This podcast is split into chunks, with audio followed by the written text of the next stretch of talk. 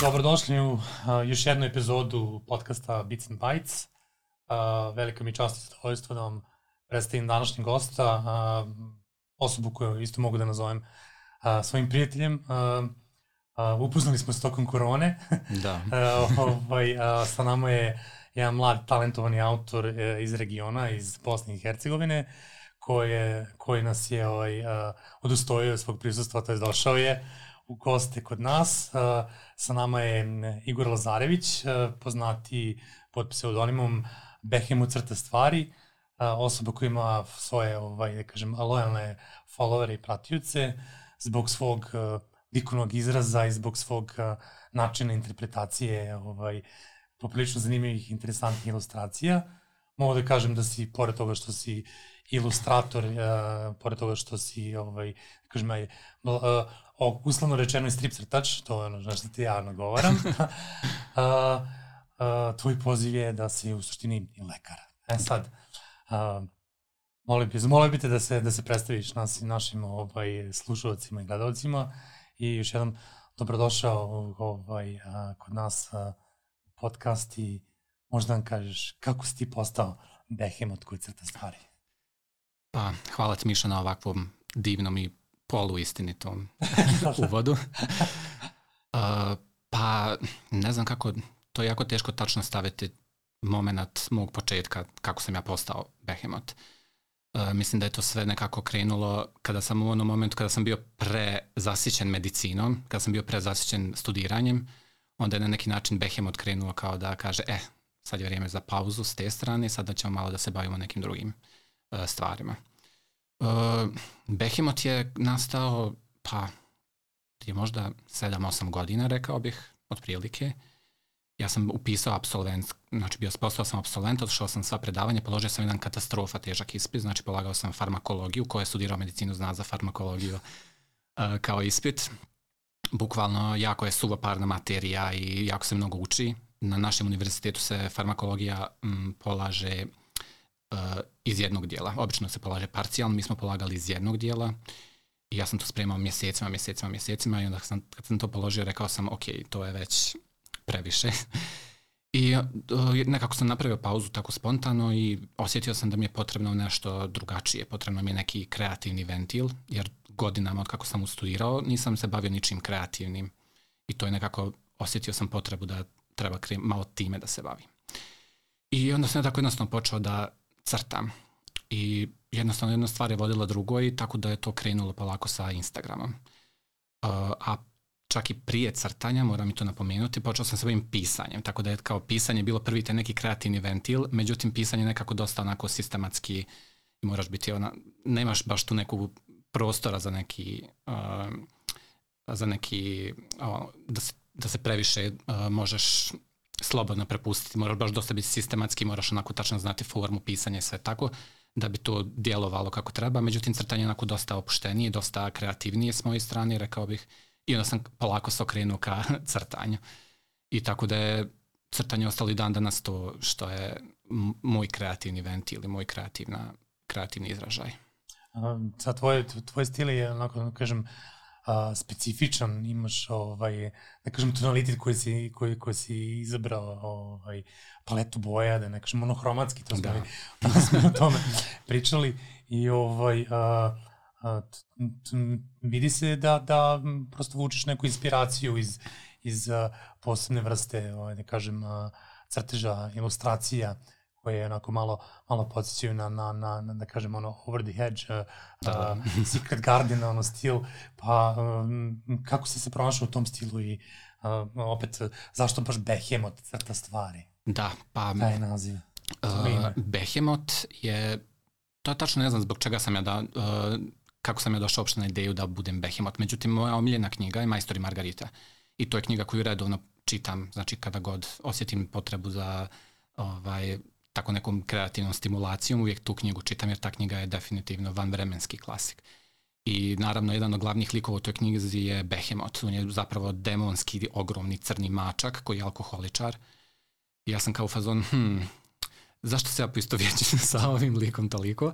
Ali ne, jednostavno Behemoth je na neki način uvijek bio najzanimljiviji meni taj lik, lik u toj knjizi i on kao veliki džinovski crni mačak koji je sarkastičan i koji je jednostavno uh, tako reći bezobrazan prema svemu, koji uh, ima takav stav prema životu koji, na koji sam ja nekako uh, želio da ja imam takav stav i on je postao na neki način simbol i maskota uh, kompletnog tog ovaj, kompletnog tog mog kreativnog procesa. Tako da je Behemoth ostao i Behemoth se zadržao i ne planiram da ga, uh, da ga pošaljem u azil. A što se tiče inspiracije, uh, mislim da u početku svako ko krene da se bavi tako nekim kreativnim procesom je veoma, veoma intenzivno inspirisan već postojećim umjetnicima i postojećim kreativcima, tako sam ja u početku jako bio uslovno rečeno inspirisan, a zapravo sam bio neka blaža forma plagijatora uh, Tima Bartona.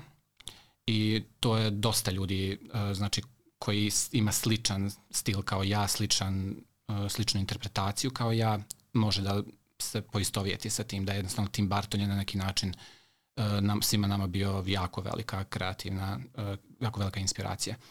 E, tako da sam ja te neke proporcije koje je Tim Burton radio dosta kopirao, tako reći.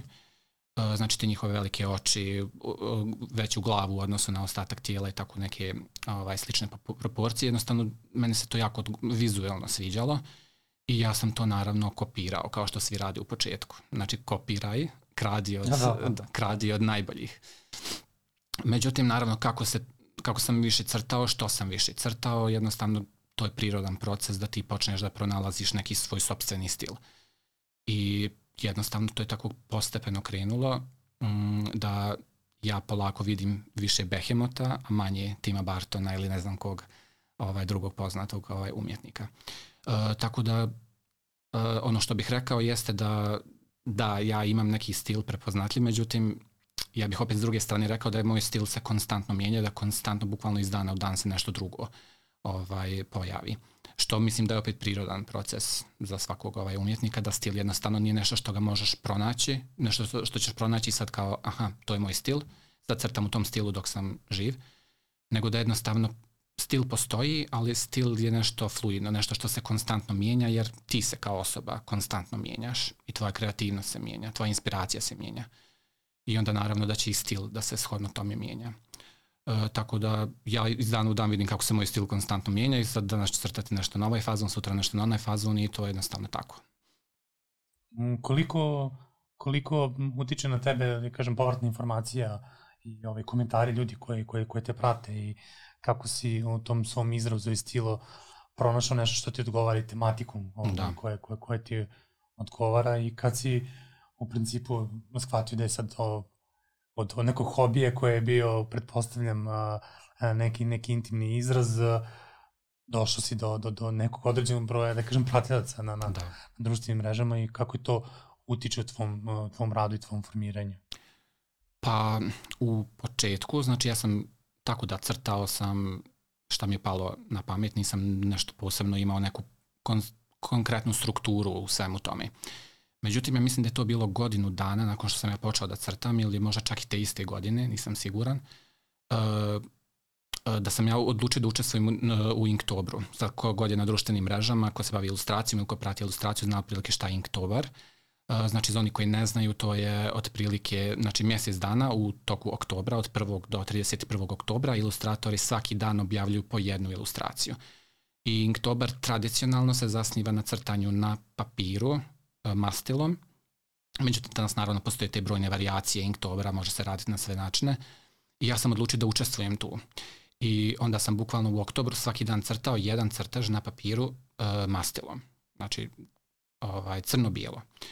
I to je baš onako bilo popularno i meni se jako dopalo, jer jednostavno uh, kompletan taj, ta nedostatak boje dosta, dosta utiče na kompletnu atmosferu crteža i na generalno osjećanja koja taj crtež može da izazove. I ljudi su jednostavno jako dobro odreagovali na sve to. E, da sam ja bio u fazonu kao, aha, to je ono super, ja se baš u tome pronalazim, vidim da e, ljudi prepoznaju to što ja radim. Tada je to nekako i krenulo, krenulo je kompletna moja uh, Instagram uh, Instagram uh, prepoznatljivost, da tako kažem, da su ljudi me prepoznali i počeli pratiti upravo na osnovu tog mog prvog Inktobra. I da, to je definitivno izazvalo u velikoj mjeri je uticalo kako će se dalje razvijati moj stil, jer ja sam jako dugo, dugo vremena nakon toga isključivo, isključivo radio bez boje. Znači sve je bilo monohromatski crno, bijelo, sivo. Do te mjere da je čak s jedne strane to izazvalo i određeni uh, određenu ograničenja, jer kako danas funkcionišu generalno društvene mreže, svi želi da, kao da održavaju tu neku stvar koja ih je učinila popularnim, do te mjere da ti sprečavaš sam sebe da se dalje razvijaš.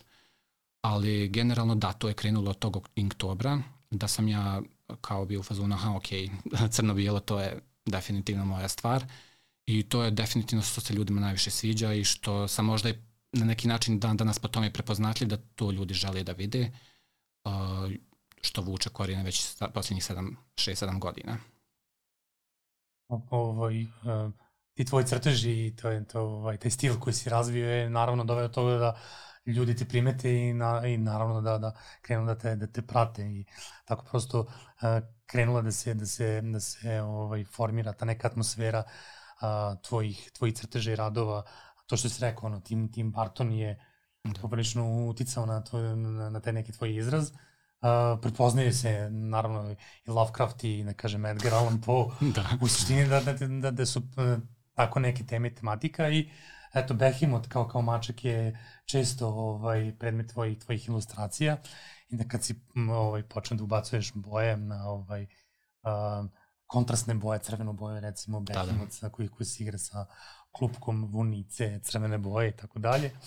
Uh, uh, kako si uh, kako si to živeo sad tu ovaj uh, um, tu primećenost kako ove, u regionu, tako u inostranstvu. Da li postoje neka razlika i da li postoji a, a, podrška od strane kolega i koleginica s ovih prostora i da li prosto je tebi bilo nekako bitno ili, a, ili manje važno da ljudi znaju da si ti sa ovog podneblja ili da li se to da. prepoznavalo na neki način? Pa meni od starta uh, ja nisam, ja sam jednostavno želio da postavim da samim tim što mi je naziv znači, na srpskom, ja sam želio da budem jednostavno prepoznat kao umjetnik sa naših prostora, znači definitivno kao regionalni umjetnik. I u početku ja sam i mislio da će to tako da funkcioniše, da će ja uglavnom privući lokalnu publiku, znači da će to biti lokalni pratioci. Međutim, naravno, kako su danas društvene mreže, taj termin i mogućnost jednostavno lokalizacije nečega je apsolutno nemoguć. Uh, tako da sam ja uglavnom privukao inostranu publiku i uglavnom 90% mojih pratilaca, ako ne više, je uglavnom ljudi sa, koji nisu sa ovih prostora. Uh, međutim, ja nisam apsolutno nikad imao neku kao ciljanu publiku, niti sam u suštini imao neki cilj koga bih to privukao. Ja sam prvenstveno i dan danas je to tako crtao sa, za sebe, prvenstveno za sebe. A ko odluči da pođe sa mnom na to moje putovanje, uvijek je dobro došao. Uh, ali naravno jedna od lijepih stvari, jedna od najljepših stvari u čitavom tom procesu je što, što sam ja uspio da se povežem sa velikim, velikim brojem ne samo inostranih umjetnika, već domaćih umjetnika.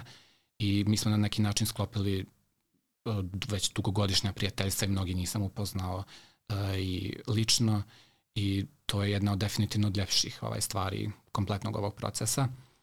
Uh, tako da ne znam kako, da, znači sa jedne strane jeste crtaš za određenu publiku i nadaš se da ćeš privući određenu kao da ćeš privući bilo kakvu publiku, ali ispod svega toga kod mene bar je uvijek tako bilo da sam crtao za sebe i da nisam se nikad nešto mnogo osvrtao šta će neko drugi reći, šta će neko sugeristati kako bih ja nešto trebao da radim što možda nije s jedne strane najpametnija stvar, ali mislim da je generalno takav moj kompletan odnos prema umjetnosti da je meni umjetnost uvijek nekako bila nešto što ja radim ra za sebe. Sad, da li ja imao stotine hiljada pratilaca koji će to da gledaju ili ne, apsolutno bih radio sve isto. I sad kada bih izgubio sve pratioce, ja bih opet nastavio sve isto da crtam i sve isto da radim i potpuno crtao bih prvenstveno zbog sebe.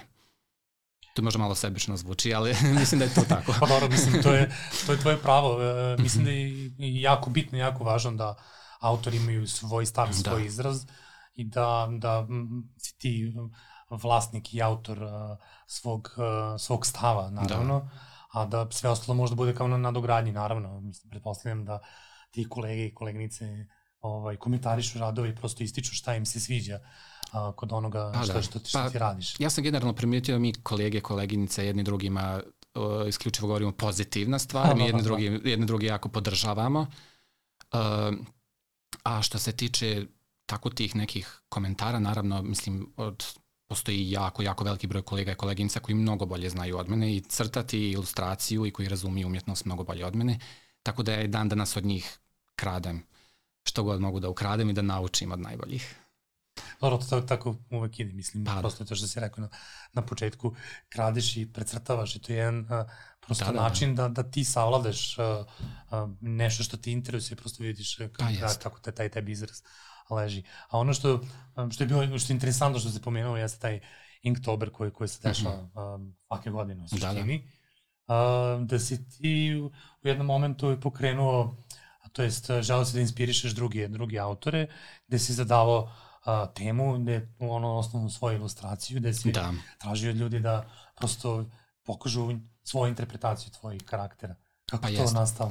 Uh, pa to je nešto što ja iskreno nisam pokrenuo, to je već postojalo jako dugo vremena. Uh, znači to je u fazonu kao uh, draw this in your style, tako se zove hashtag na Instagramu. I u suštini uh, vi predstavite crtež i određeni tag uh, koji ljudi mogu da odrade vaš crtež u svom stilu i onda da vas taguju i da znači taj crtež na neki način postave javno. Uh, ta, to je bilo jako zanimljivo i to je uvijek jako zanimljivo vidjeti kako ljudi interpretiraju nešto što ste vi stvorili.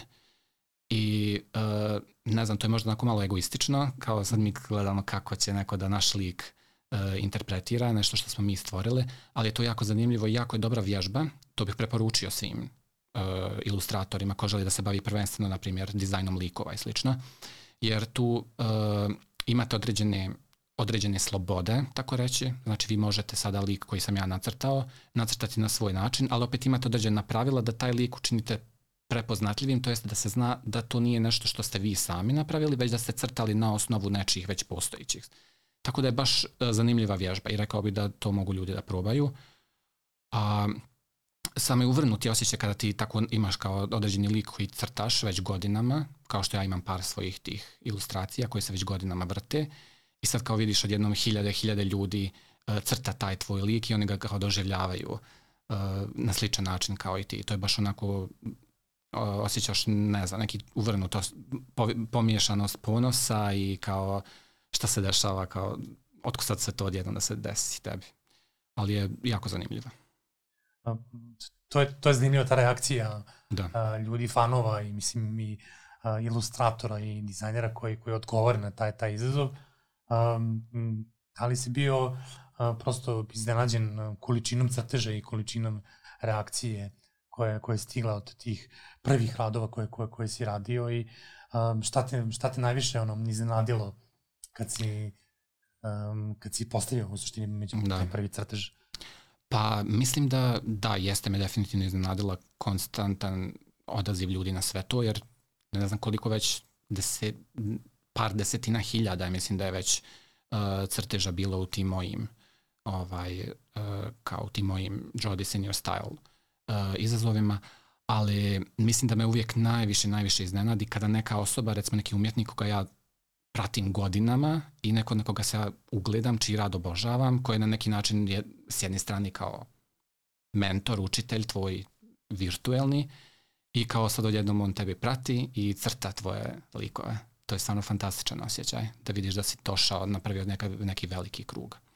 Tako se desilo par puta sa ljudima, sa par umjetnika koji recimo, kako sam učio da crtam, naravno svako gleda YouTube i tutoriale na YouTube-u, ja sam zapratio tako par ljudi na YouTube-u koji su umjetnici i sad odjednom kao ti ljudi mene prate na Instagramu i crtaju neke moje likove i javljaju se na, u inbox. I to je baš stvarno bilo ono kao, wow, what the fuck.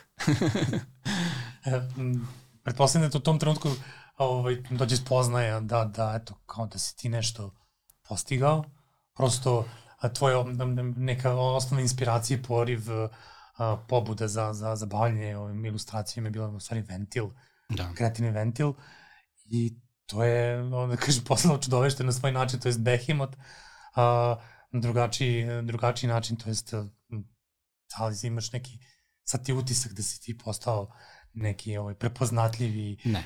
uh, umetni karakter ili kako, kako, ti, kako se nosiš s tim, eto, u principu tako da postavim pitanje. Pa, iskreno, danas se ne nosim se s tim.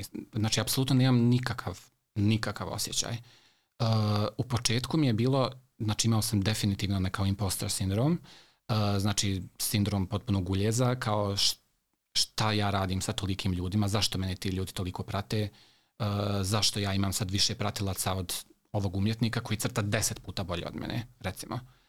I kao ja nikad u fazonu nisam, neću biti na tom nivou, ja ne znam šta ja uopšte tu radim, zašto neko mene prati. To je definitivno uvijek bilo prisutno, čak i dan danas prisutno malo, ali ne toliko. Uh, ali to je nešto sa čim svaki, ja mislim, kreativac treba, mislim, mora da se nosi i ne postoji osoba koja je rekla aha, jeste, ja sam tu zaslužujem da budem, to je definitivno tako. Iako jeste tako, mi svi u sebi mislimo kao mi nismo dovoljno dobri i to je jednostavno nešto što je bilo prisutno. A danas, pa mislim, ja apsolutno, kažem ti, nemam nikakav osjećaj kao sad da sam ja nešto uspješan i da sam ja kao sad neki full ilustrator. Uh, ja i dan danas sebe doživljavam kao da imam Instagram stranicu od 500 pratilaca, da to moji najbliži prijatelji gledaju i da ja tako eto postavljam taj dan što sam nešto našvrljao. Apsolutno nemam nikakav osjećaj uh, da sam ja sad kao nešto posebno uradio. Iskreno. Um, sad taj, taj, e, taj tvoj profesionalni život i ovaj koji je vezan za ilustracije i koji je vezan za umetnički izraz, um, kako balansiraš sad to u suštini? Mislim, eto kažem, ti si lekar, to je doktor po struci, uh, doktor medicine i s druge strane si autor, umetnik. Ali to pomirljivo ili je to... Uh, to je za normalnu osobu pomirljivo, a za mene je to apsolutno nemoguće uravnotežiti, jer uh, ja sam generalno kao osoba jako patološki perfekcionista, znači bukvalno patološki perfekcionista. Uh, I meni je uvijek bilo jako bitno da ako nešto radim, da to radim 100%. Znači ne postoji da se radi nešto polovično, ne postoji da sam dijelimično zadovoljan, ne postoji 99%, znači mora da bude 110% odrađeno tačno. I tako da dok sam ja studirao, znači ja sam bio apsolutno maksimalno posvećen fakultetu. I znači bio sam maksimalno posvećen svakom ispitu, svaki ispit sam spremao od prvog do posljednjeg ispitnog pitanja, izlazio samo kad sam spreman, uh, do te mjere da sam ja i malo razvukao studije, jer apsolutno nisam mogao zamisliti da ja sad izađem na ispit da naučim 50% ispitnih pitanja. To je meni apsolutno bilo neshvatljivo kako neki studenti to mogu da rade. Uh, I to ne zbog toga što sam ja sad želio neku visoku ocjenu, nego jednostavno zato što sam želio da naučim sve što sam mogao da naučim iz tog predmeta i da uradim nešto 100% kako treba. E, onda kad sam se, to je naravno dovelo do prezasićenja, jer jednostavno tim tempom ići šest godina, to je jako teško. Uh, I onda ja kad sam znači, otišao sa predavanja, bio sam u fazonu, ok, sad stvarno, znači vidim da ne mogu više 100% da spremam te ispite, mislim, tad sam rekao vreme za neku pauzu. I onda sam po, kao počeću da crtam, kao eto da nekako kreativno dam sebi oduška. Međutim, ja kad sam počeo da crtam, to nije bilo crtanje kao, ajde crtam sa sat vremena, ja sam crtao bukvalno po čitav dan. Znači, po čitav dan sam crtao, učio, gledao, gledao tutoriale na YouTube-u, čitao knjige o ilustraciji, uh, Uh, znači, bukvalno sam radio to, ono, sa svojim medicinskim mozgom sam pri, uh, to sve primijenio na umjetnost. I jednostavno to je s moje strane jako teško bilo pomiriti, znači tako neke dvije, da kažem, diametralno suprotne stvari, bavljenje ilustracijom i bavljenje medicinom, a da obje stvari se rade 100%. I zbog toga sam morao napraviti određenu pauzu od medicine, da bi se ja znači, par godina bavio isključivo ilustracijom, isključivo umjetnošću, da bih jednostavno mogao to da odradim onako kako sam ja želio. A sada već malo kako sam stariji, mislim da učim polako kako se pravi ta neka ravnoteža, da se ima vremena i za bavljenje primarnim poslom i da se baviš hobijem kojeg voliš. Sad, zato ja mislim da će ja vremenom, za koju godinu sigurno, potpuno da se okrenem da umjetnost bude ponovo isključivo hobi koji radim za sebe i za ljude koji me prate, a da će medicina naravno biti primarno moje zanimanje, jer da apsolutno ne bi mogao da zamislim svoj život da ne radim u medicini. isto kao što ne bih mogao da zamislim svoj život da, ne, da se ne bavim umjetnošću.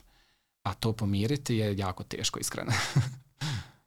Dobro, ovaj, umjetnost dođe kao neka vrsta eskapizma i mislim, eto, ovaj, iznenađujući tebi je došlo to kao, eto, kao, kao možda i, i neki deo od uh, dopunske zarade, tako, tako, tako da. reći, ali više vidim uh, da, ti, da ti to, ako stalo od toga da, da, da ono što ti uradiš pa ljudima ako se to opadne, pa bi vole da oni imaju to ovaj, uh, za da. sebe. Uh, tako da sam ja tvoje crteže uspeo da vid, vidim i kao tetovaže. Da, da, da. I da, da prosto ljudi koji, koji uh, kako reaguju na to i kako ovaj, se ti osjećaš kad vidiš da neko nosi ono što si ti crtao na, na svoj koži, na, svoje te, na svom telu. A između oslog, ovaj, a, a, ti si otvori neki kao ma, ma, mali shop, u suštini da, da a, ljudima ono, ponudiš i, i nalepnice i da. postare, između osloga ova tvoja majica koju, koju ja sa, s ponosom nosim vrlo kvalitetno i ovaj, sa jednim jakom, jednom jakom lepom ilustracijom.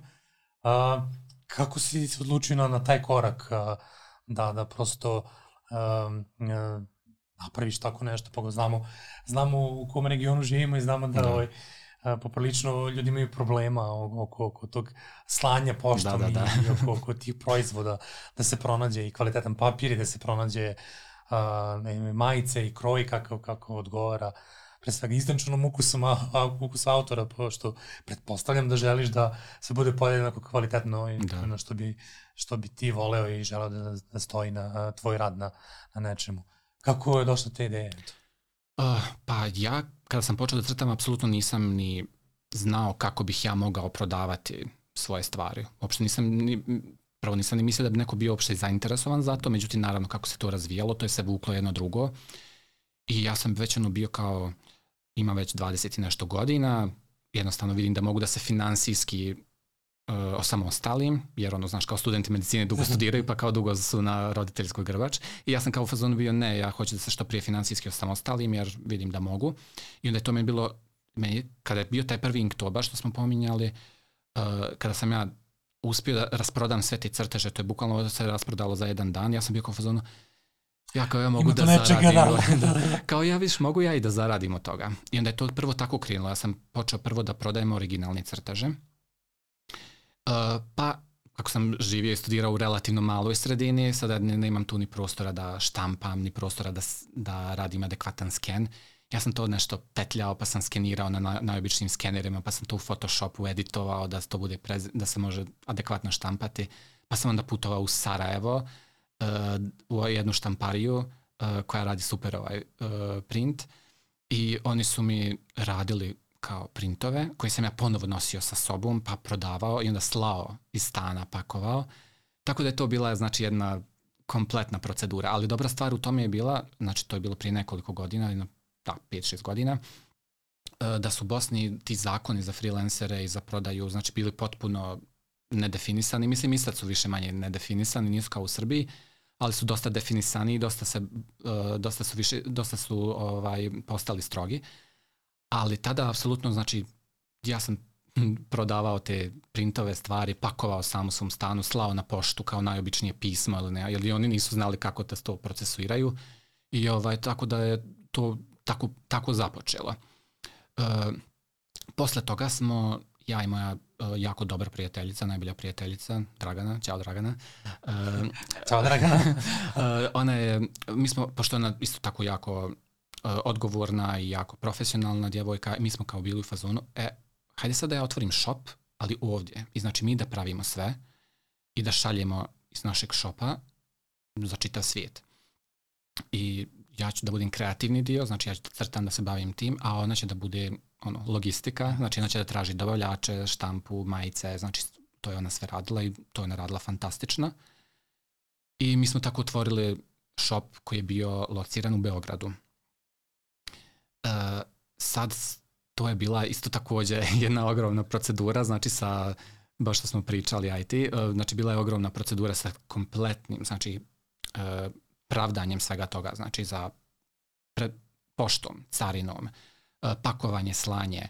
E, znači, ako je ogrom, veliki broj prepreka, e, generalno smo susretali smo se sa velikim brojem prepreka kako sve to izvesti, jer znači u Srbiji je bilo jako ja, veliki broj prepreka smo našli od pošte, znači kako pravdati znači sve te pošiljke jer uh, svaka pošiljka mora posebno da se, da se procesuira, posebno da se šalje. Onda znači sa carinjenjem svega toga, sa pravdanjem računovođi kako to funkcioniše, uh, da smo mi imali jako, jako veliki broj problema.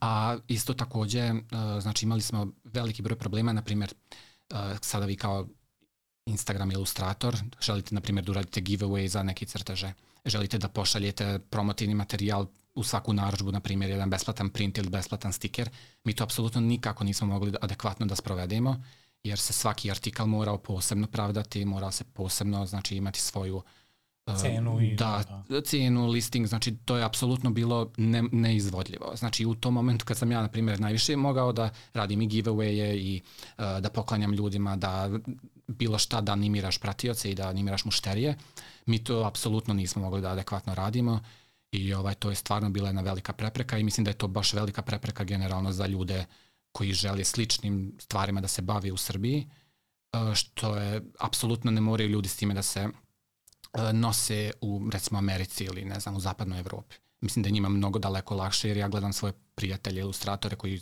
rade u Americi, žive u Americi, e, da oni bukvalno, znači, spakuju naručbu, odštampaju sami svoju etiketu, odnesu u poštu i to je to, kraj priče.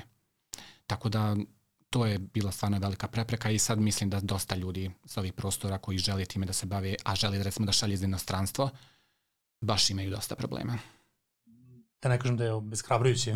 Da, da. Prema tvojoj priči, ovaj, a, a, čuo sam tu sličnu a, priču i komentare od dosta drugih naših kolega, a, da je neka kreativa prosto ubijena ovaj, birokratijom. Da, da i da, da, da mladi autori i autori između oslog baš teško mogu da, da, da postignu tako nešto, da, da, da pokrenu svoj mali, e, mali biznis, manufakturu, baš zbog toga što ne postoje procedure i ne postoje ovaj, način kako da se sve to a, prosto automatizuje i, da. i ovaj, da se zredi.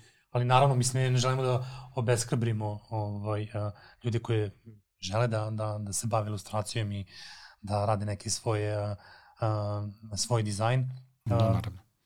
Šta je tebi prosto uh, i nakon svega toga, tog iskustva, um, šta to država i prosto uh, tera da, da nastaviš dalje, da radiš, ono, pretpostavljam da, da imaš upite od razno, raz, razno raznih strana, da radiš na određenim projektima i kako se snalaziš da. sa tim i kako, uh, kako prihvataš eto prosto a, zahtevi i upite za, za takve stvari i šta biraš između ostalog. Mm -hmm. Šta bi voleo da radiš? e pa sad da se vratim na ono što si prethodno rekao za tetovaže i to. Ja, to. Uh, pošto da, to je bilo jako vrnuto kada vidim da neko tetovira nešto što sam ja nacrtao i to je jednostavno je nekako najveći kompliment rekao je kada neko ono što si ti nacrtao toliko se pronađe u tome da želi da ga vječno nosi na sebi. To je stvarno fantastičan kompliment. I to je nekako tako i krenulo. Ljudi su željeli da danas, recimo ja dosta ljudima crtam tetovaže. Znači ciljano se javi da želi da, e, da im nacrtam ja tetovažu svom fazonu. I to je, u početku mi je bilo kao trip, ono, hajde ako nacrtaš nekom je print ili nešto, mislim to uvijek može da skine sa zida, ali tetovažu baš ne može lako da, da uh, skine, mislim može da je skine, ali ne baš jeftino. I, uh, međutim, ja sam polako malo studirao i dizajn tetovaža, gledao sam kako se, jer ne može svaka ilustracija da se tetovira, znači jednostavno određene ilustracije moraju da budu prilagođene tetovaži. E, tako da sam malo i to ovaj, studirao, dizajnir, e, gledao kako se dizajnira. Imam srećom dosta dobrih prijatelja koji su tatu artisti, e, pa su mi oni ovaj, malo ovaj, uveli u sve to i e, to je recimo jedan od češćih zahtjeva uh, šta se recimo meni ljudi javljaju da žele da im uradim ovaj tetovažu i zbog toga recimo ako na, najđem na jedan period kada ne postavljam mnogo crteža na Instagramu, to znači da sam vjerovatno mnogo crtao tetovaža koje ne mogu da postavljam uh, po Instagramu zbog upravo plagiranja. Mislim da ljudi će da tetoviraju neč, neči, uh, neči individualni dizajn. Uh, Tako da dosta mi se, dosta se toga javlja. Imao sam par tako nekih komercijalnih stvari za dizajn za tabletop igrice i slične stvari. Uh, što opet nekad prihvatim, nekad ne. Gledam da prihvatim nešto što mogu da, na primjer, uradim u relativno kraćem vremenskom periodu, uh, jer kompletno to balansiranje, znači, medicine i uh, umjetnosti zahtjeva da ja jednostavno ne mogu uzeti neki sada projekat koji će trajati mjesecima, to je jako teško. Uh, I uglavnom gledam da radim tako nešto što mogu završiti relativno brže, što obično se uh, svodi na to recimo neke privatne uh, naručbe, uh, crtanje portreta, dizajn likova za D&D, uh, crtanje tetovaža, to isto jako često. I uglavnom tako biram ti neke projekte gdje ja mogu da budem što više slobodan i vremenski i što imam da veću kreativ, kreativnu slobodu. E, to, to sam baš teo da te pitam, koliko imaš kreativne slobode kad ti neko poruči tako nešto ili, ili prosto budeš ono work for hire ili uh, te, klijenti ti kažu uh, imaš odrešene ruke pa... Pa ja uglavnom imam uh, jako, jako odriješene ruke. Ljudi meni se javljaju prvenstveno zbog toga što želi da nešto od mene. Znači želi nešto u mom fazonu, nešto u mom stilu. Uh, znači to je njima primarni razlog javljanja da želi crtež koji da želi crtež od mene zato što je to specifično od mene. I onda to je stvarno jako velika mislim privilegija uh, da ti sada imaš da se neko javi da želi da crtaš ti sa maksimalnom slobodom da mu nacrtaš nešto što oni želi uh, tako da takvi projekti su uvijek jako zanimljivi i uvijek jako uh, zahvalni. Uh, rekao bi da 99% slučajeva znači ja imam jako velik veliku slobodu interpretacije, veliku slobodu što se tiče vremenskog, eh, vremenskog ovaj intervala, vremenskog deadline znači ne, rijetko kad imam neki striktan deadline, uh, što je opet u jednu ruku super zato što imaš kao slobodu, ali opet ako nemaš neki deadline, ako nemaš neku kao okvir u kom radiš, onda možeš malo i da zabušavaš. Ali generalno imam jako dosta slobode što se tiče ovaj rada i uh, uglavnom ljudi su stvarno, znači svi moji klijenti s kojima sam radio, apsolutno uh, ne bih rekao da sam imao neko loše iskustvo. Sad pokušavam da se sjetim, ali mislim da nisam imao neko sad loše, loše iskustva. Ljudi stvarno uvijek imaju jako ist, istrpljenja, ako recimo imam preveliki broj uh, naročbi pa oni sačekaju ili jednostavno baš su ljudi jako susretljivi.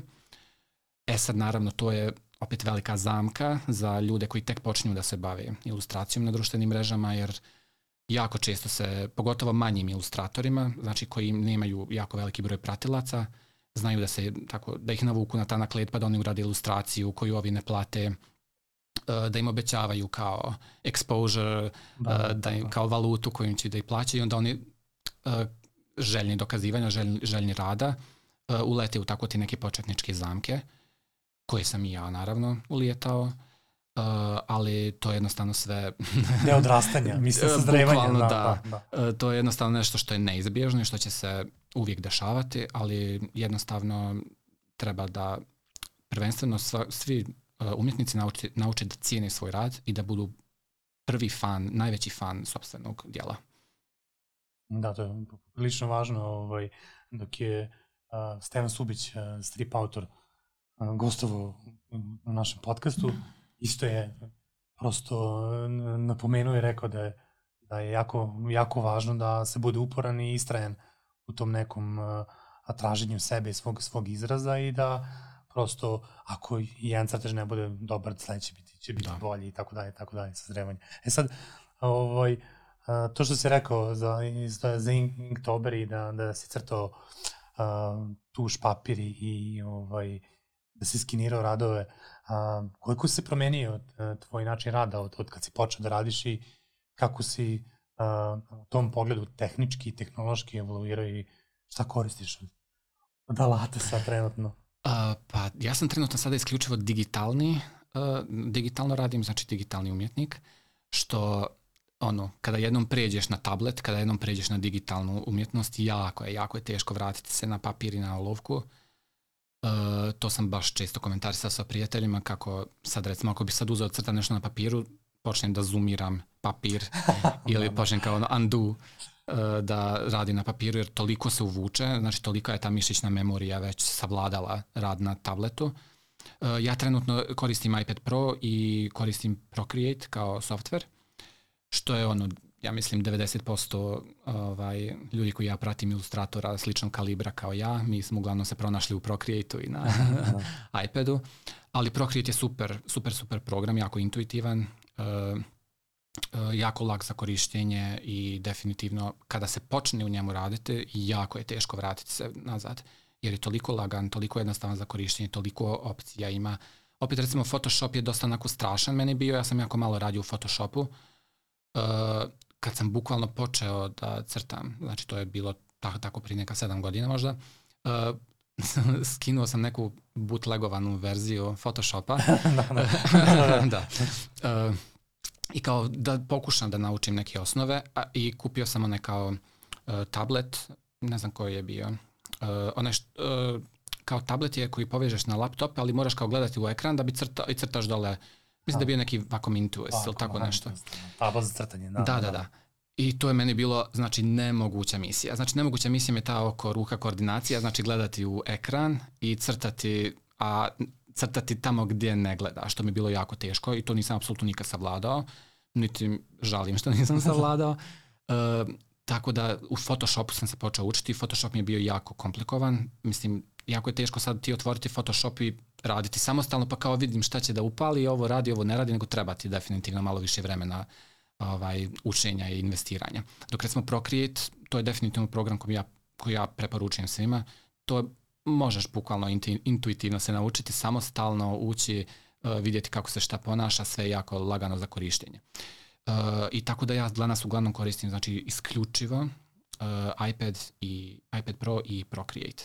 Ali volio bih da se ponovo vrati malo na tradicionalno crtanje, iako tu svake godine kažem kao fazonu uh, novogodišnja odluka, da, da, odluka. da, novogodišnja odluka kao, e sad ćemo ove godine malo ponovo crtati na papiru i to, ali apsolutno nikad se ne vratim na tome, iako imam ne znam više koliko praznih sketchbookova i spremnih za korištenje, ali znači toliko je ta moja komfort zona u digitalnoj umjetnosti danas da stvarno jako je teško vratiti se. Um, da li sad iz ove perspektive možeš da prosto kažeš sebi da, da bi volao da se nešto drugačije uradio i ovaj, šta u, u principu um, planiraš da, da radiš, šta bi voleo u suštini da, da radiš, u kom pravcu bi voleo da sada ta neka tvoja umetnost da se, da se razvije, šta, šta te onako motiviše dalje rad? Pa što se tiče promjene prethodnih znači nekih grešaka, uh, ne znam iskreno da li bih išta mijenjao. Čak i stvari što sam griješio, mislim da su to stvari iz kojih sam najviše naučio.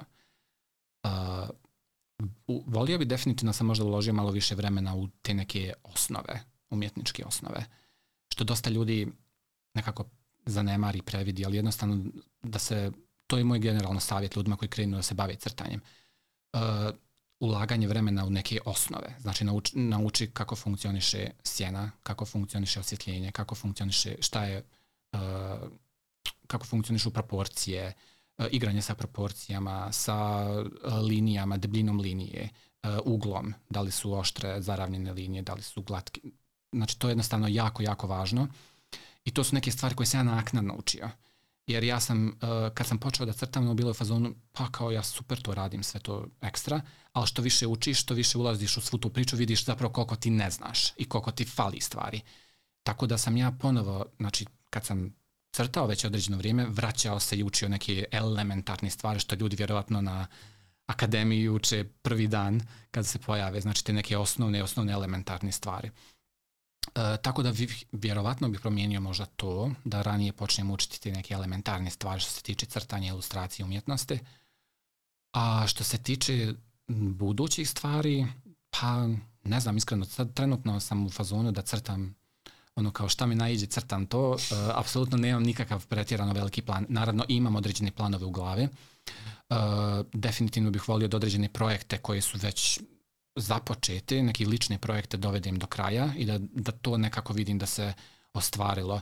Volio bi da uradim strip, uh, znači to što me ti tu gnjaviš. Da, da, da. Uh, uh, volio bi da uradim strip jer ja već imam otprilike jedan scenarij za strip koji već se treba da se, revizi, da se radi revizija, da se vidi šta je, šta je tu ok i šta nije. Ali mislim da imam jednu konkretnu solidnu ideju za strip. Uh, što sam ja već uradio, dizajn likova je određeni čak storyboard i scenario prve epizode za taj strip, ali ja znam da moja vještina crtanja apsolutno nije na tom nivou na kom ja želim da se to da to izgleda. To je, vraćamo se na moj patološki perfekcionizam, gdje ja želim da to stvarno izgleda fantastično, a mislim da ja nisam trenutno strip crtač, ja, ja sam ilustrator, ali biti strip crtač to je potpuno, potpuno nova, e, znači nova zona i ljudi koji se bavi strip crtanjem znaju koliko je, koliko je zapravo to teško. Uh, tako da bih volio da vidim taj strip da se ovaj desi.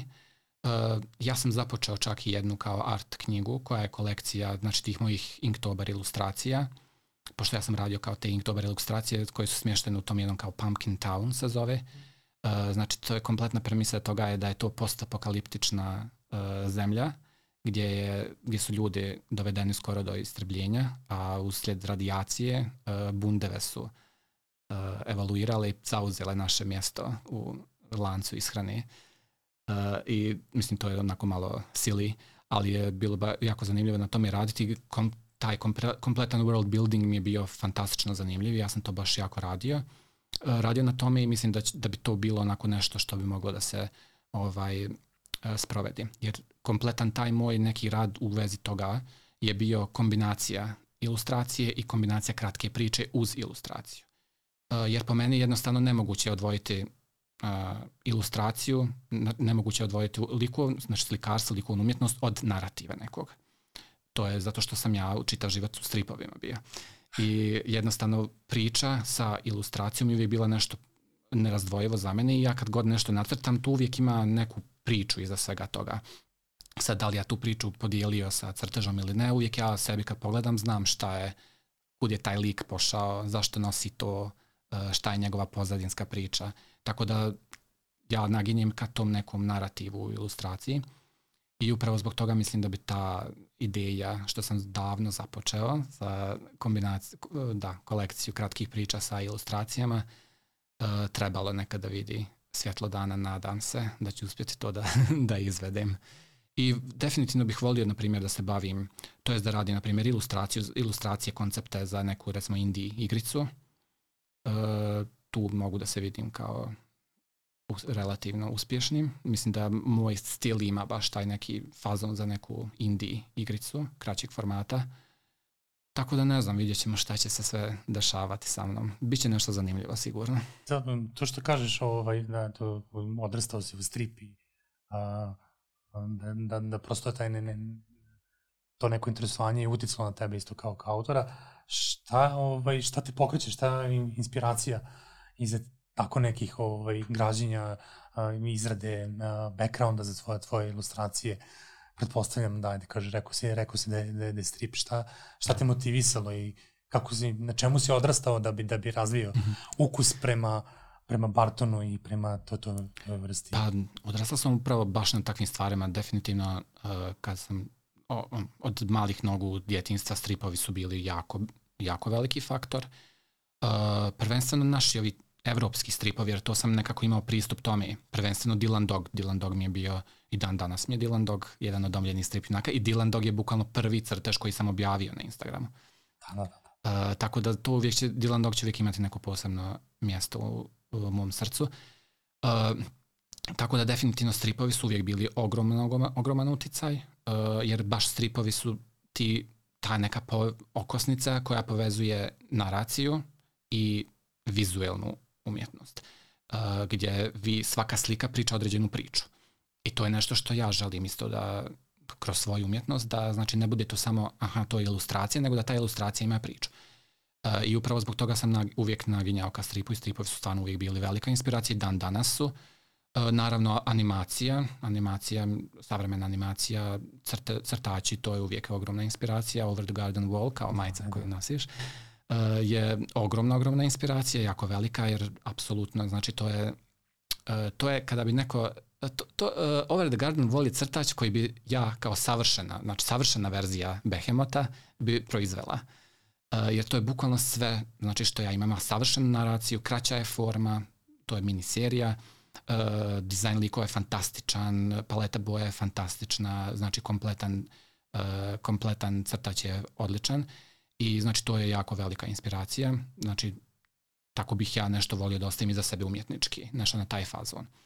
Uh, pa da ne pričam dalje, znači o uh, Adventure Time, slični ovaj crtači koji takođe imaju dosta uh, te na izgled djetinjaste, uh, djetinjasti karakter, uh, ali zapravo u pozadini imaju jako, jako duboku priču, jako, priča, jako kompleksnu priču. E, to je definitivno nešto što ja želim da stvaram. Znači nešto što na prvi pogled izgleda uh, djetinjasto, nešto što možda u prvi mah nema tako neku veliku dubinu, ali nakon određenog vremena kada se zagrebe iza površine da to baš ima nešto, uh, priču koju mogu da, u kojoj mogu da se pronađu bukvalno sve osobe, svih uzrasta. Uh, tako da takve su stvari obično mene inspirisale. Znači nešto što uh, ima jako, uh, jako dobru naraciju, jako dobru priču iza svega toga. Uh, I dan, danas me uh, takve stvari prvenstveno ovaj, uh, znači, zanimaju, jer ilustracija po meni onoliko jaka koliko jaka priča iza svega toga.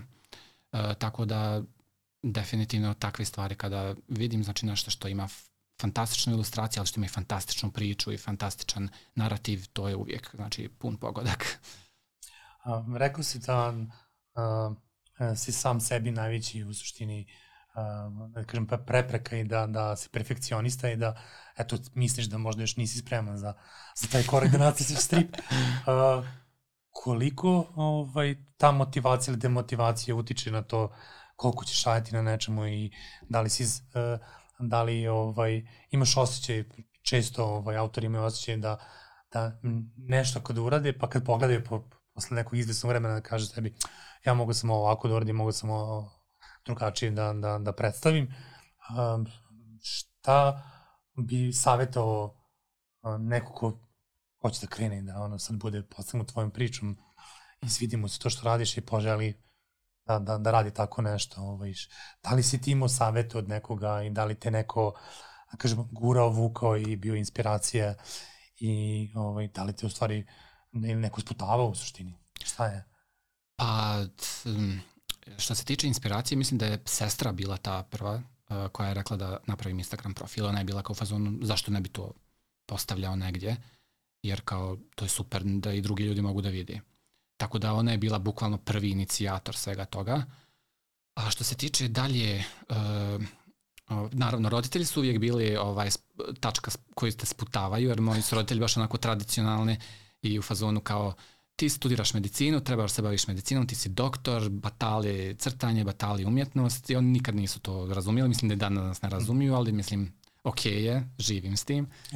ovaj, e, tako da, uglavnom, generalno, ljudi iz mog okruženja su uvijek bili dosta velika podrška. Čak i ljudi koji nisu uopšte umjetnosti, koji su baš onako medicinari, e, pragmatični, logični, uvijek su bili kao fazonu, e, to je super, to je baš ekstra, bavi, ono, kao radi na tome i to je baš zanimljivo. Jer uvijek meni bio tako ogroman flex uh, kada sa medicinarima i doktorima kao je, kao ja sam umjetnik, bavim se još tim. A uvijek mi je flex s druge strane kada s umjetnicima kao je, pa kao ja sam i doktor, bavim se s tim. Jer baš je onako uvrnuto skroz.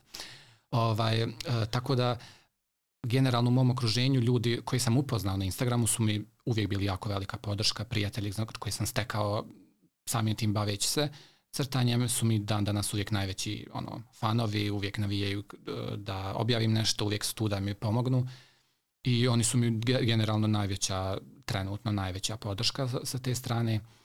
A šta bih savjetovao drugim e, ljudima koji žele da se bave tim? Pa nema tu sad neke pretjeran iskreno mudrolije. Znači treba samo početi da se baviš tim. Znači nacrtaj nešto, stavi ga na Instagram. Šta možeš da izgubiš? Apsolutno ništa ne možeš da izgubiš. Uh, ljudi koji žele da se bave time moraju biti jednostavno svjesni da uh, apsolutno moraš jako dosta vremena ulagati u sve to, znači moraš razvijati svoje vještine ako želiš da privučeš određenu publiku, ako želiš da privučeš ljude koji će to da vole i ti moraš jednostavno biti na tom nivou da bi sam sebe zapratio na Instagramu uh, kada bi slučajno sreo svoje crteže tako random.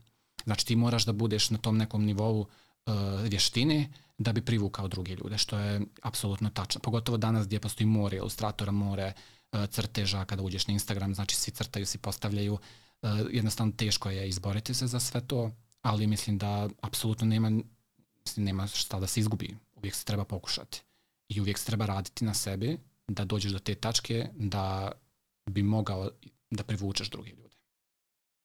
A, m, reci mi sad, od, od toga kad si počeo da crtaš i do, do ovog momenta, uh, da li si doživio neku transformaciju, to jest da li si postao svestan nečega čega nisi bio svestan na početku, to jest da ne kažem da je od, od ovog uh, hobija možda potencijalno nastao neki, neki posao i to počeo se da pričaš o, o, o ovaj, peripetijama i muci koje si imao oko, da. oko slanja paketa i, i ovaj, štampe i svega ostalog.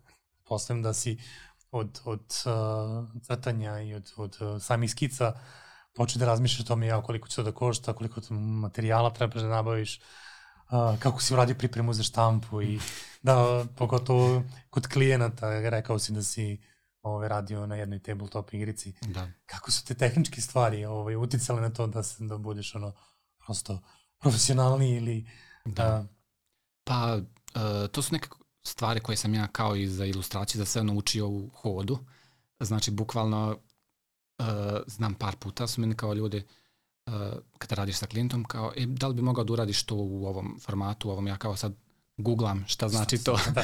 I tako sam bukvalno ovaj, učio, jednostavno kroz hod sam učio te neke stvari. Uh, što se tiče tako te pripreme za štampu, to je se dosta, dosta olakšalo kako sam ja prešao naravno na digitalni rad. To je daleko, daleko jednostavnije ovaj bilo. Uh, ali opet uvijek znači te neki tehnički aspekti, sve to uh, s tim, to su neke stvari koje, se, koje sam ja generalno učio kako sam uh, išao i to je jednostavno nešto što će se uvijek, to su neke stvari koje se uvijek mogu naučiti, koje se mogu pohvatati, znači uz radu sve. Uh, naravno, i ljudi sa kojima sam ja radio su uvijek izlazi u susret maksimalno da ako nešto nije kako treba da mi da me usmjere kao da ukažu, da, da, ukažu da, da. kako je šta funkcioniše ali generalno mislim da uh, najviše vremena što se tiče nekog kao investiranja sam ja pokušao da investiram u svoju neku vještinu, svoje neko ovaj, svoje, svoje znanje crtanja prvenstveno. A što se tiče sada te kao tehničkih aspekata, uh, mislim da i danas manjka u mnogim ovaj da. stvarima, tako da ovaj, ne znam iskreno koliko bih mogao nekog da ja posavjetujem, ali mislim da definitivno su to neke stvari koje se lako mogu ovaj, uhvatiti. Nis, nije to toliko ovaj, komplikovano. Jel da? A iz iskustva mogu da kažem da ovaj, uh, klijent uglavnom uh, ima neku pretpostavku da kao dizajner dizajner treba da zna sve, u suštini i pripremu za štampu i web i animaciju i da koristi jedan, drugi, treći, peti program. Da, ja nisam imao takve klijente iskreno da, da su toliko očekivali od mene, što opet sam smatram možda nekom privilegijom i srećom u čitavoj toj priči. Do duše da, imao sam recimo klijente kojim se javljaju pa hoće dizajn, logo dizajn ili tako nešto, mislim, što ja i baš i ne radim ne, toliko da, da. često da. logo dizajn. Pa je bilo ljudi kojima se recimo dogovorim ovaj sve i sad oni kao, mislim naravno ako radiš logo dizajn i tako neke stvari, taj uh, ovaj, grafički dizajn, uh, u, mnogim, u većini slučajeva moraš raditi vektorskim programima i sve to ja ne radim u vektorskim programima, znači apsolutno ne. Da. I onda sad kao, znaš, dođe do te tehnike, kao, pa ne, ja kao radim isključivo u tom tom programu, znači može ono, PSD file ako ti odgovara, ali na, tako neke tehničke stvari i dosta recimo, što si ti rekao to neko preveliko očekivanje, ja stvarno nisam imao neko iskustvo da sad klijent očekuje od mene i da animiram i da ne znam šta radim pripremu za štampu, ne. Uh, ali da, to znam iz, iz iskustva svojih prijatelja gdje ti kao ilustrator moraš biti grafički dizajner i animator i moraš biti social media uh, guru, da, guru da, da, znači moraš bukvalno da radiš sve, sve, sve živo. Ovaj, zbog toga ja vjerovatno i ono kao izbjegavam sad do ulazak u neku tu priču da sad kao ja radim uh, kao ilustrator, to je kao gra, da, ilustrator, ilustrator za neku kompaniju ili nešto, mislim da bi se to jako od mene uh, ovaj, očekivalo. Tako da je generalno moji klijenti što su mi se javljali tako za neke komercijalnije stvari, za tako te tabletop igre i to, oni su stvarno bili maksimalno korektni. Očekivali su znači ilustraciju u nekom mom fazonu, da, dobio sam recimo palete boja koja treba da se koristi I to je to, apsolutno nisam, nisu očekivali od mene nikakve, nikakve čaralije. Znači ti, ti si jedna od redko, os, redko osoba koje, koje kaže da nije bilo frustracije. ne, ja nisam iskreno stvarno imao velike frustracije što se tiče radu sa klijentima. Znam priče, znam, poznajem naravno ilustrat, jako mali milion ilustratora, grafičkih dizajnera koji imaju baš on, horor priče sa svojim klijentima. Ja stvarno nisam imao nikakve ovaj probleme. Uh, Uh, to jest nisam imao nikada stvarno klijent od mene očekuje nešto što nije u mojoj mogućnosti, jer postoji stvarno dosta stvari koje nisu u mojoj mogućnosti da uradim. Ja apsolutno nisam nikad ni govorio da ja sad znam se da radim. Ja on, postavljam Instagram i kome se dopada, dopada sam da se on meni javi i hoće tako nešto, ovaj, ali su svjesni mojih, mislim ja sam prvi svjestan svojih ograničenja što se tiče ilustracije, što generalno što se tiče posla. Uh, tako da iskreno nisam imao neka uh, horor iskustva, nadam se da neću sada u 2024. imati. e sad, tvoj glavni medij za komunikaciju jeste Instagram. Uh, šta misliš o, o ovaj, društvenim mrežama i koliko mogu da pomognu ili odmognu nekom autoru i uh, koje ti recimo još uh, platforme koristiš za promociju svog, svog rada? Uh, to je jako veliko pitanje, možemo znači pričati još sat vremena samo na temu društvenih mreža i mog iskustva sa društvenim mrežama, jer kao što sam malo pripomenuo, baš mislim da sam postao ono social media guru i da razumijem definitivno kako to sve funkcioniše. Pa mislim da su društvene mreže u velikoj mjeri pomogle mnogim ljudima. Meni prvom su jako pomogle i uh, da nije bilo Instagrama, ja ne znam kako bih, na što bi se to, kako bi se moja kreativnost dalje razvijala. Tako da ja sam zahvalan u tome jer definitivno ja sam ugrabio taj neki moment u Insta, na Instagramu kada je, su stvari dosta, dosta drugačije funkcionisale nego sad. I uh, ono što je danas postalo karakteristika tih društvenih mreža je da je se napravio jako veliki razmak između umjetnika i umjetnika na društvenim mrežama. Znači to su potpuno dva različita pojma. Na društvenim mrežama znači funkcionišu tako neka potpuno druga pravila koja se često krše sa umjetničkim načinom razmišljanja. Znači vi morate, ako ste na društvenim mrežama, ako postavljate na društvene mreže, ako želite uspjeh na društvenim mrežama, vi morate da budete content creator. Znači morate da budete konstantni, konstantni da. fabrika sadržaja. Znači vi konstantno morate da izbacujete ajde da kažemo svaki drugi dan, svaki dan ljudi izbacuju stvari. Znači vi konstantno morate da pumpate sadržaj u algoritam, konstantno morate da hranite taj algoritam da bi vas on nagradio, e, što je u jako velikoj, jako velikom broju slučajeva se krši sa mentalitetom umjetnika. Jer ti ne možeš svaki dan da napraviš nešto novo, ne možeš svaki dan da nacrtaš nešto da izbaciš.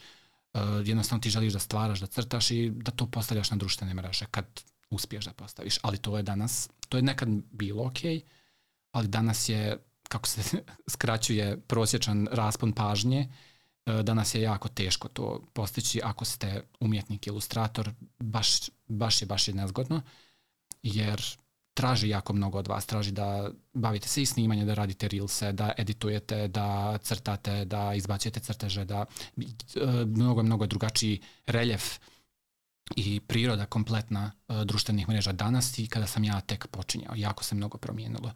I to se vidi, vidi se da su uglavnom umjetnici, ljudi koji ja pratim na Instagramu, dosta su ono kao šta se dešava, znaš, kao jednostavno ne mogu da pohvatam više. Da, da, da. Umore se ljudi. Da, umore se da. jednostavno i postoji takav bombardovanje, znači bombardovanje informacijama gdje konstantno vi imate osjećaj kao ono, ne radim dovoljno, ja ne izbacujem dovoljno, uh, o, zašto ova ima toliko lajkova, ja nemam toliko lajkova, zašto ova ima toliko pratilaca, ja nemam toliko pratilaca, šta ja radim pogrešno, da li je nešto što ja crtam nije kako treba. Uh, to, sada te društvene mreže stvaraju jako, jako velike komplekse uh, ljudima koji se bave uh, svim tim, znači ljudi koji postavljaju na Instagram. Mislim, ja prvi nisam bio imun na sve to, mada ja sad smatram da sam više manje to prevazišao, ali dosta, dosta ljudi je kao u fazonu, mm, jer sam ja prošle godine, mislim, radio jednu kratku seriju kao ilustracija, uh, upravo kao komentar, komentar na odnos umjetnika i društvene mreže. I dosta ljudi mi se javlja kao fazon, kao ne mogu da vjerujem, kao bukvalno kao da mi čitaš misli, kao što ja sve to, kao ta, takve mi stvari prolaze kroz glavu. I to jeste tako, mnogo umjetnika, pogotovo tih umjetnika nekog, da kažem, srednjeg, stale, srednjeg uh, kalibra, znači recimo desetak hiljada pratilaca pa do 30 50, ne znam tačno, oni su nekako upali u tu zonu sumraka gdje su u jednom momentu kao napreduju i sad su kao stagnacija i kao ne znam kao šta radim pogrešno uh, i sad ja kažem, ne, apsolutno ne radiš ništa pogrešno, nego se to samo izgleda tako. Algoritam je promenjen. Da, da, zato da. što da. Uh, jednostavno tako reaguje algoritam i tako reaguje sredina u koju ti postavljaš.